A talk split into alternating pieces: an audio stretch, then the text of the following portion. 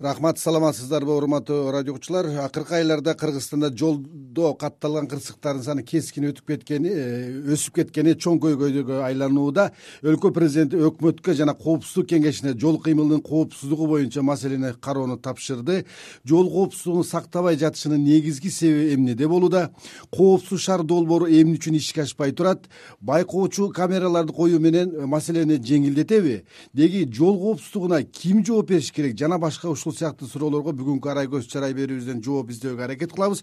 Бүгүнкү биздин талкуубузга кыргыз республикасынын авто ташуулар ташуучулар бирикмесинин төрагасы темирбек шабданалиев коопсуз шаар долбоорунун тендерлик тендердик комиссиясынын мүчөсү азиза абдырасулова жана кыргыз республикасынын ички иштер министрлигинин коомдук кеңешинин мүчөсү чынара касманбетова катышат. Э, анда биз алгачкы суроону темирбек э, мырза сизден баштасак да мына кыргызстанда акыркы үч айда бир миңден ашык жол кырсыктары катталыптыр да анын негизги себебин сиз эмнеден көрүп жатасыз? Эң чоң э, себеби бул бизде өкмөттүн астында же болбосо коомчулуктун астында кандайдыр бир иштөө чараларынын жоктугунда болуп атат. Башаламандык да бир эле сөз менен айтканда. Себеби бизде э, жол коопсуздугу жылдан жылга э, начарлап баратканына карабастан кыргызстанда ушул коопсуздугун саясатын жүргүзгөн же ошого жооп берген мамлекеттик органдар жок. Акыркы он бешинчи жылы премьер министрдин тапшырмасы менен э, гаиге же жанагы дпске жол кайгул э, кызматына берилген. Бирок алар ансыз деле ошол э, жумуш менен алектенет да. Жана алар өзүнүн күнүмдүк иштеп аткан жумушун ушул жол коопсуздугун аткарып атабыз деп ойлошот. Бирок ал андай эмес. Бул жол коопсуздугу абдан чоң комплекстүү маселе мисалы үчүн бул жерде э, кичинекей балдардан мектептен баштап садиктен баштап университеттеги студенттерден баштап тарбиялашыбыз керек. Экинчи чоң чоң көйгөй бул шопурлар э, айдоочулар. Биздин кыргызстанда жүз жыйырма жүз элүү миңге жакын шопурлар бар. Ошолорго ошолор менен тарбиялык иштер түшүндүрүү иштер жана башка саясаттарды жүргүзүш керек. Анан эң дагы бир чоң көйгөйлөр бул мамлекеттик э, мекемелер мисалы үчүн министерство оборонанын машинелери бар мчстин машинелери бар демек алардын шопурлары бар. Ошол шопурлары бар гос органдарда дагы аябагандай чоң тарбиялык иштерди жүргүзүш керек андан тышкары министерство э, жана билим берүү министрлиги дагы чоң иштерди жасаш керек. Мектептерде. Э, мектептерде студенттерде э, же эле калса тиги тиги ден соолукту сактаган министрлик дагы иш чараларды алып барыш керек. Ошондой комплекстүү иш чара жок болуп атат да. Ошондуктан биздики башаламан рахмат азиза абдырасулова айым биз менен телефон аркылуу талкууга кошулмакчы. Азиза айым саламатсызбы? Саламатсыздарбы сиз айтсаңыз мына биз билгенден э, кыргызстанда коопсуз шаар долбоору эки миң он экинчи жылы эле башталган экен да. Сиз ошол долбоордун тендер комиссиясынын мүчөсү экенсиз. Мына арадан беш жыл өттү. Айтыңызчы азыркыга чейин бул долбоор эмне үчүн ишке ашпай жатат? Ага эмне тоскоол болуп атат э, мен эки миң он экинчи жылдагы ошо биринчи долбоордо тендердик э, комиссиянын мүчөсү болгон эмесмин бирок тилекке каршы ал долбоор да ишке ашпай калган мен эки миң он бешинчи жылдагы тендердик комиссияга мүчө болгонмун. Ошондо биз отуз э, мүчө бар элек. Анын бешөө э, парламенттен ар бир фракциядан бирден депутат болгон.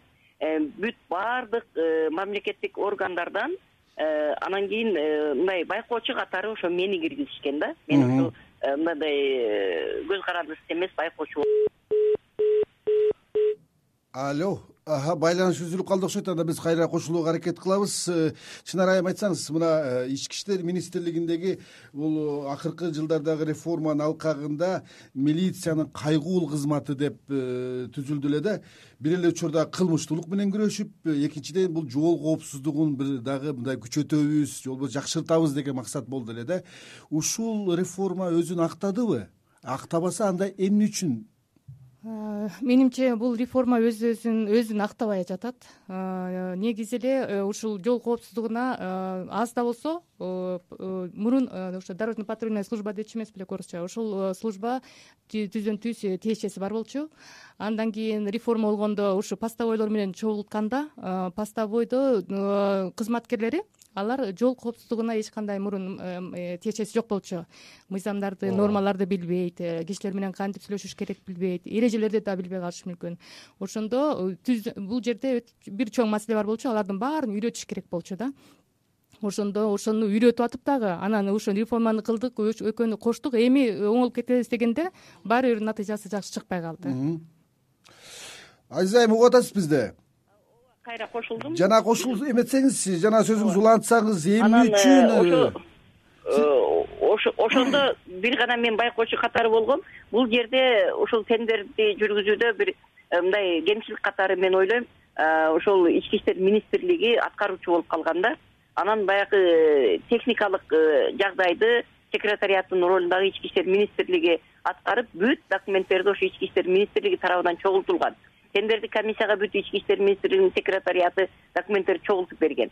Андан кийин биз ошо беш алты ай бою аябай бир баягыларды жаттап изилдеп э, кайсы компания ошо бизге кыргызстанга өзүнүн акчасы менен келген компаниялар татыктуу деген маселелерге келгенде сегиз компаниядан бешөөнү биз э, биринчи турдан тандап алып анан бешөөнүн ичинен ошо экинчи үчүнчү турга барганда анан кийин стильсофт деген компания бул россияныкы экен. Биринчи орунга чыгып экинчи орунга молдованыкы чыккан. Андан кийин эле ошо э, тендердик комиссия өзүбүздүн жыйынтыгыбызды чыгаргандан кийин эле ошо кайра ички иштер министрлиги ыз чууну башташты да. Бул э, стильсофттун мурун коррупциясы бар экен булардын бир сот иштери бар экен деп. Анан биз аларга суроо бердик ай айланайындар биз деген булардын документтерин чогулткан эмеспиз силер чогулткансыңар. Эмне себептен убагында изилдеген эмессиңер? Эмне себептен тендердик комиссия ишин жыйынтыктагандан кийин бул иш башталгандан кийин бир жылдан кийин анан ушул э, бкчкларды таап чыгып атасыңар? Макул биз стильсофт болбосо анда молдова компаниясы ал болбосо түрктөрдүн компаниясы эң негизгиси бизге ошол э, долбоорду алып келгилечи ошо коопсуз шаар деген долбоорду алып келгилечи деп мен эмнеге мен чырылдаганбыз мен радио угармандар үчүн түшүнүктүү болуш үчүн бул жерде аябай э, эң биринчи э, бишкек ош жолу анан бишкек кара кол жолу анан бишкектин ичи жана ош шаары камтылмак да. Эң негизги эң негизги э, биздин жол каттамдары жабдылмак. Жок сиз ошол азиза айым айтсаңыз ошол долбоордун мындай алдыга жылбай жатышына эмне себеп болуп атат ким күнөөкөр болуп атат? Коомчулукта коррупциялык көрүнүштөр деп атат коррупциялык кызыкчылык бул жерде мен мен коркпой эле айтайын коррупциялык көрүнүш түздөн түз орун алды. Көрсө ошо ички иштер министрлигинин өзүнүн кызыкчылыгы түздөн түз бар экен. Э, андай э, алиги коопсуз шаар деген долбоорду ишке ашыра турган болсо баягы түздөн түз ички иштер министрлигине түшүп аткан баягы айып акчалар жана башкалар э, ага түшпөстөн анын баардыгы мындай бир ачык айкын болуп мындай систематизировать этилип калат экен да. Мен аны азыр түшүнүп атамын анан ошондуктан бул ички иштер министрлиги өзү түздөн түз эле тоскоолдук кылып койду. Ошолордун ичинен баягы э, ошол кездеги министр мелис турганбаев түздөн түз тоскоолдук кылды. Ага биз мына генеральный прокуратурага мен өзүм э, кат жазып ай ушуну макул э, стильсов баягы достойный болбосо анда башкасына бирок ушул коопсуз шаарды алып келгилечи бир жылда миңдеген адамдарыбыз каза болуп калып атат. Рахмат рахмат. дагы биздин сизге сурообуз болот темирбек мырза мынау кыргызстанда бир мекеме айдоочулукка окутат экен. Экинчи мамлекеттик мекеме болсо бул документтерин берет экен да. А үчүнчү маи кызматы болсо жөн эле көзөмөлдөп коет экен. Ушундан бир майнап чыгып атабы майнап чыкмак турсун баары тескерисинче болуп атпайбы. Ушул ушундай шарттардын баары тең жанагы коррупциянын шартын түзүп атат да. Ошон үчүн мисалы үчүн азыр э, бир жылдай жакын болуп калды жанагы шопурдук күбөлүктү сатып алууга тыюу салган. Бирок баары бир эле сатылып атат алар. Э, баары бир эле жана чала окуган э, жаш балдар жана күбөлүктөрдү алып атат анан кийин гаиде жанагы штрафтарды айып пулдарды жогорулатпадыкпы? Бирок ал эмне үчүн эффектти бербеген себеби Э, штраф пулду төлөгөндөн көрөкчө гаиге берип коюш оңой болуп атпайбы? Алыска убара болбойсуң чекти почтага төлөбөйсүң андай мындай кылбайсың. Ошо менен бүт баарысы тең коррупциялашып кеткендиктен ушундай болуп атат да.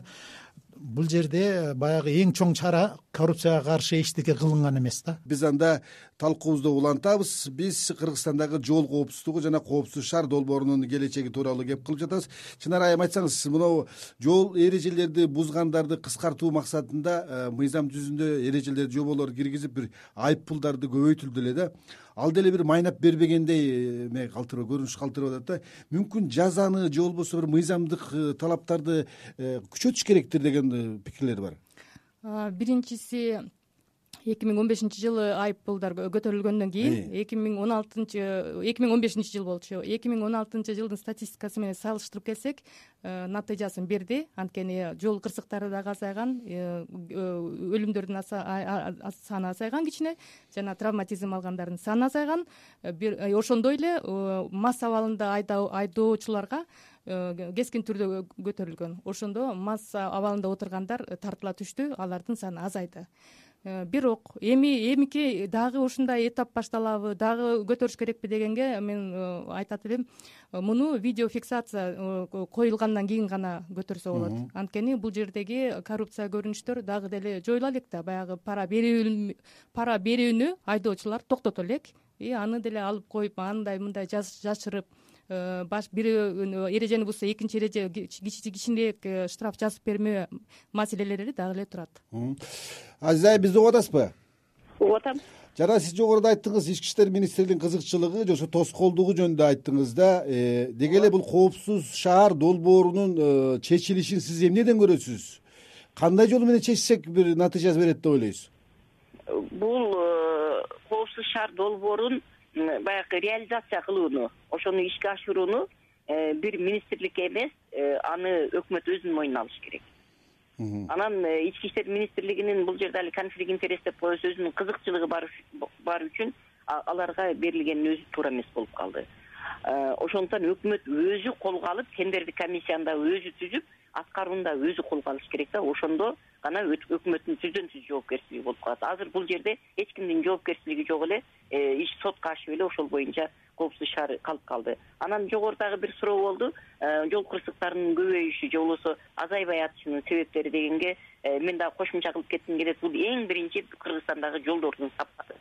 Жолдун сапатынын начардыгы айрыкча могу ош бишкек сыяктуу узак жолдордун сапатынын начарлыгы. Бул биринчиси. Экинчиси болсо бизде баягы эки движение деп коебуз баягы эки э, жүрүү э, бул аралашып калганы. Башкача айтканда али оң урулдуу менен сол урулдуулардын аралашып калганы. Узак жолдордо ошо именно али оң урулдуу неме транспорттордун катышуусу менен өтө алиги жети беш адамдардын өлүмүнө алып келген ушундай автокырсыктар көп болуп атат. Анан үчүнчүсү катары мен дагы белгилеп кетким келет Э, бул деген э, баягы дорожный знактардын э, жоктугу же болбосо баягы дорожный мындай пешеходный жолдордун жакшы көрүнбөй өчүп калгандыктары ушундай бир түн ичинде айрыкча эч нерсе көрүнбөй жамгыр жаап аткан убактарда эч нерсенин көрүнбөй калган убактары. Ушул үч жагдай бул именно баягы адамдардын өлүмүнө алып келген өтө мындай трагедиялуу кырсыктарга алып келип атат да рахмат э, темирбек мырза мына кыргызстанда жол коопсуздугуна кайсы мамлекеттик орган жооп бериш керек деп ойлойсуз? Э, маи кызматыбы транспорт министрлигиби мэриябы айыл өкмөтпү ким деги? Ушундай бир э, ошо туура суроо берип атасыз. Жана функциялар мамлекеттик функциялар бөлүнүш керек. Мисалы гаи гаи болсо жана жол кайгуу кызматы болсо бул көзөмөл кызматы.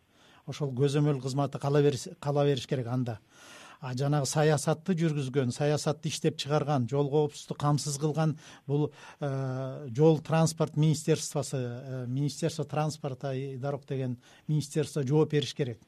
Бирок э, министерство транспорта бул көйгөйдөн өзүн өзү алыстатып өзүлөрү качып ошо боюнча бул маселе асманда илинген боюнча калган да бирден бир. Экинчиси биздин өкмөтүбүздүн өзүнүн чабалдыгы болуп атат. Себеби биздин өкмөттүн астында э, жол коопсуздугу коомдук комиссия бар да өкмөттүк комиссия бар.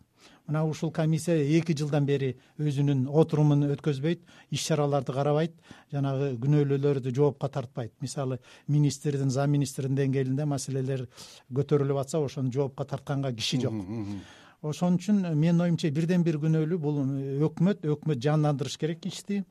Коомчулукту өзүнө тартыш керек.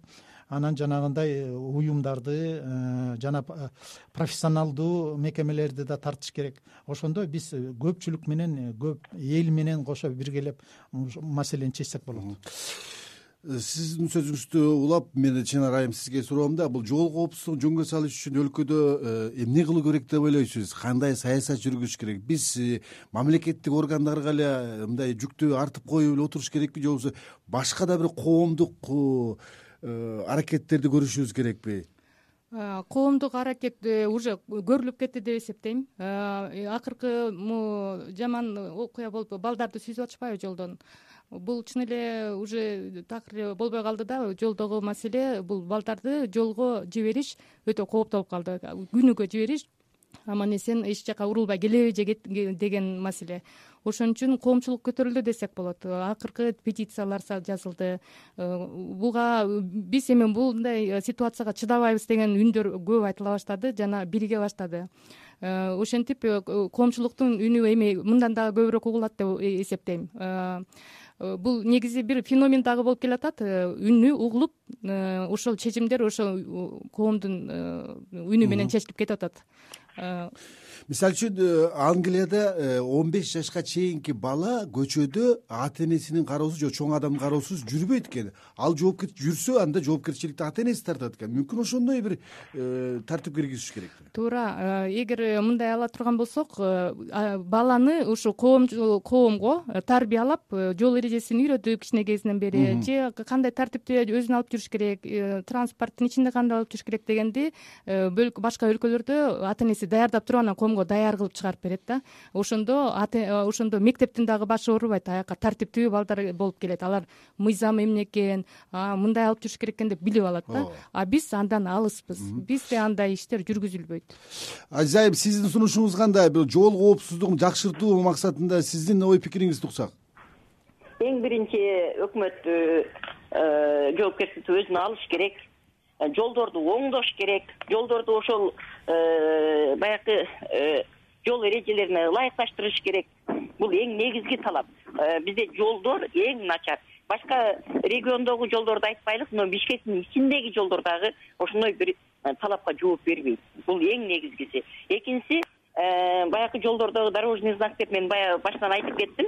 Ошо кайсыл жерде пешеходдор өтүп атат кайсыл жерде окуучулар бар. Мисалы үчүн ошол мектептер Э, могу э, новопокровкада жол кырсыктары аябай көп болот мектептин жанында. Кайсыл жерде жаш балдар өтөт? Ошолорго ушундай знактарды э, белгилүү кылып коюш керек.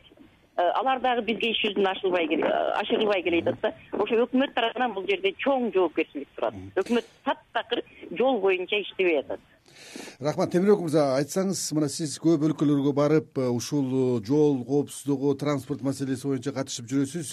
Э, кайсы бир өлкөнүн бир тажрыйбасын айта аласызбы? Бир биздин кыргызстанга үлгү же болбосо өрнөк боло алат. Бияка алып келип мүмкүн киргизсек пайдалансак. Эң бир бир тажрыйбаны айтып коеюн. Мисалы үчүн америкада чоң чоң узак узак жолдор бар да. Анан ошонун ошол жолдо түнчүндө кетип баратсаң тиги бир жүз километр алыс жерден гаинин турганы көрүнөт. Себеби алар жана маячок деп коет эмеспи жанагы жылтыраган светин күйгүзүп коет. Ошондо жүз километр алыстан көрүп туруп а гаи бар экен деп акырындап келесиң да. Мисалы э, ушул эле биздин кошунабыз арменияда да ошондой экен. Эмне үчүн биз ушуну киргизе албайбыз. Анын тескерисинче биздин гаилер бактын арасына чөптүн арасында жатып алып жашынып алып маякты күйгүзмөк турсун секирип чыга калып радар менен кармап атпайбы. Бул алардын максаты эмнеде шопурларды жазалоодо эмес. Алардын максаты коррупция кылып акча алышта. Ошон үчүн ошо э, гаилердин арасында ошо коррупцияга каршы шарттардын баарын жоюш керек жоготуш керек ошондо гана бизде бир чети жакшы болот. Жана жолдо да тартип э, жол э, знактарында баарын жасаш керек албетте. Бирок бул дагы бир чоң маселе да. Ошон үчүн бизде жана америкадай армениядай гаилердин баары жана маячокторун иштетип коюп жолдун боюнда туруп алыстан көрүнгөндөй кылса ошондо жанагы профилактикалык жумуштар аткарылат да. Рахмат чынар айым сизге бир тарыхты айтайынчы. Бишкек шаарында мындан жыйырма беш жыл илгери коомдук транспорттор жүргүнчүлөрдү аялдамадан чыгарып аялдамадан түшүрчү эле да. Эми азыр болсо маршруттук таксилерди коюңуз троллейбустар дагы жана чоң автобустар да каалаган жерден түшүрүп каалаган жерден эле э, жүргүнчүлөрдү алып атат да. Жалпы коопсуздук маселесине келгенде жалпы элибизди кантип көтөрөбүз? Кантип бир маданиятты бир жөндөйбүз муну албетте ошол маршруткаларды жана коомдук транспортду тейлеген уюмдар биринчи э, кезекте жооп бериш керек да. Алар ошолорду иштетип атат. Тем более маршруткаларды буну жеке ишкерлер иштетет. Э, чоң деген акчалар бар. Э, мында массалык маалыматтардан көп укканбыз. Э, чырлар аякта көп болот эмеспи. Мисалы маршрутный линия алыш үчүн ошол эле ишкерге тиги башчысына тыйынды берип туруп кирет экен деген. Анан азыр тыйынды берип анан ошол тыйынды табат экен деп биздин маршруткадагылар азыр Э, бири биринен э, ошол эки кардарларды таалашып учуп айдап жүрүшөт да. Ошолор азыр натыйжасын берип атпайбы. Бирөөсү тоголонуп кетип атат бирөөсү э, дагы ичиндеги кишинин баягы жалакасын кетирип атат ичиндеги кишилерге ошентип бул маселе менимче бул маселе дагы жана башка эле транспорттук жол каражаттагы жол маселеси колдон чыгып кеткен маселе. Буга биз азыр эч уюм буга ээ боло албай атат. Керек болсо ушул эле мэрия ошол э, маршруткаларга ээ боло албай атат алардын тартипке тартууга э, жана айтылып келаткан э, транспорт министрлиги дагы лицензия берип ошого уруксат берген. Алар дагы ээ боло албай атат. Бул мамлекеттик деңгээлде ушул маселени чече албай темке сизде менде бир кошумча бар да. Көп себептердин бир себеби биз мамлекеттик деңгээлде өкмөттүн деңгээлинде закондун деңгээлинде алдап атабыз бири бирибизди да. Ошон үчүн тартип бузуулар көп. Мисалы эмелеки бусиктердин баары тең Э, биздин закон боюнча юридическое лицо болуш керек. То есть бул мекеме болуш керек. А мекемеде ремонтный база э, жана контролирующий орган служба безопасности движения дегендер болуш керек. Булардын баары формально бар как будто кагазда жазылган бар деп а фактически ар бир бусик өзүнүн кожоюн ар бир шопур өзүнө кожоюн эч кимге баш ийбейт. Убагында эле отметка кылып коет акча берип взяткасын берип коюп эле анан жанагындай каалаган жерде токтоп каалаган жерден э, тиги кишини салып ошентип то есть бул ар бир киши өзүнчө баш ийбеген кишилер да эч кимге баш ийбеген а тиги кантип документация болсо калп эле жазылган. Жөн эле э, тиги чиновниктер үчүн галочка үчүн. Себеби чиновниктер да кызыктар дагы алар дагы взятка алышат алар да коррупцияга барышат. Ошондуктан баары бири бирин топтолушуп алып эле бири бирин жаап жашырып аткан заман. Мына авария болгон э, маршруткалардын айдоочуларын карасаңыз он жети жаштагы бала он тогуз жаштагы бала болуп атпайбы. Бирок андай категорияга өсүп жетилиш үчүн бир жылдар керек го дейм жана айым туура албетте тажрыйба керек да шоурурлук тажрыйба керек. Тажрыйба жана категорияны дааны алыш керек жана аны пара албай акча эмес дааны текшерилип туруп алыш керек да. Может быть ал окубай туруп ошо барып тааныш аркылуу категорияны алып анан маршрутканы айдап жакшы акча таап жүргөндүр анын баарын бирден бир тизип текшергиш керек болуп атпайбы ошон үчүн э, тилекке каршы ушу мамлекет болуп туруп ушу мэрия бүт органдар бар ушуну тартипке сала албаганы бул өтө кейиштүү ошон үчүн азыркы абалда турабыз. Э, бул э, такыр эле колдон чыгып кеткен жанагындай видео эмелерди наблюденияларды койгондон кийин ушул маселе бир жеңилдейт деп ойлойсуздарбы? Видео наблюдение жана мамлекет тарабынан коомдук транспорт киргизилет. Биз андай обещанияларды көп укканбыз да? Бул быйыл дагы обещаниялар бар үч жүз автобус алып келебиз жанагы мынча троллейбус алып келебиз деп. Бирок ошолорду алып келгенде дагы ал жерде дагы көп каталар кетет экен. Мисалы бир алып келген автобусту э, оңдой албай ошо боюнча туруп калат экен же троллейбус анан ошого эч ким жооп бербейт. Рахмат э, урматтуу радио каармандар. Бүгүн биз кыргызстанда жол коопсуздугу жана э, коопсуз шаар долбоорунун ишке ашпай жатышынын себептерин э, келечек жөнүндө кеп кылдык. Бүгүнкү биздин талкуубузга кыргыз республикасынын авто ташуучулар бирикмесинин төрагасы темирбек шабданалиев коопсуз шаар долбоорунун тендердик комиссиясынын мүчөсү азиза абдрасулова жана кыргыз республикасынын ички иштер министрлигинин коомдук кеңешинин мүчөсү чынара касманбетова катышты. Берүүнү мен бакыт оорунбеков алып бардым. Кайрадан эфир аркылуу жолукканча саламатта калыңыздар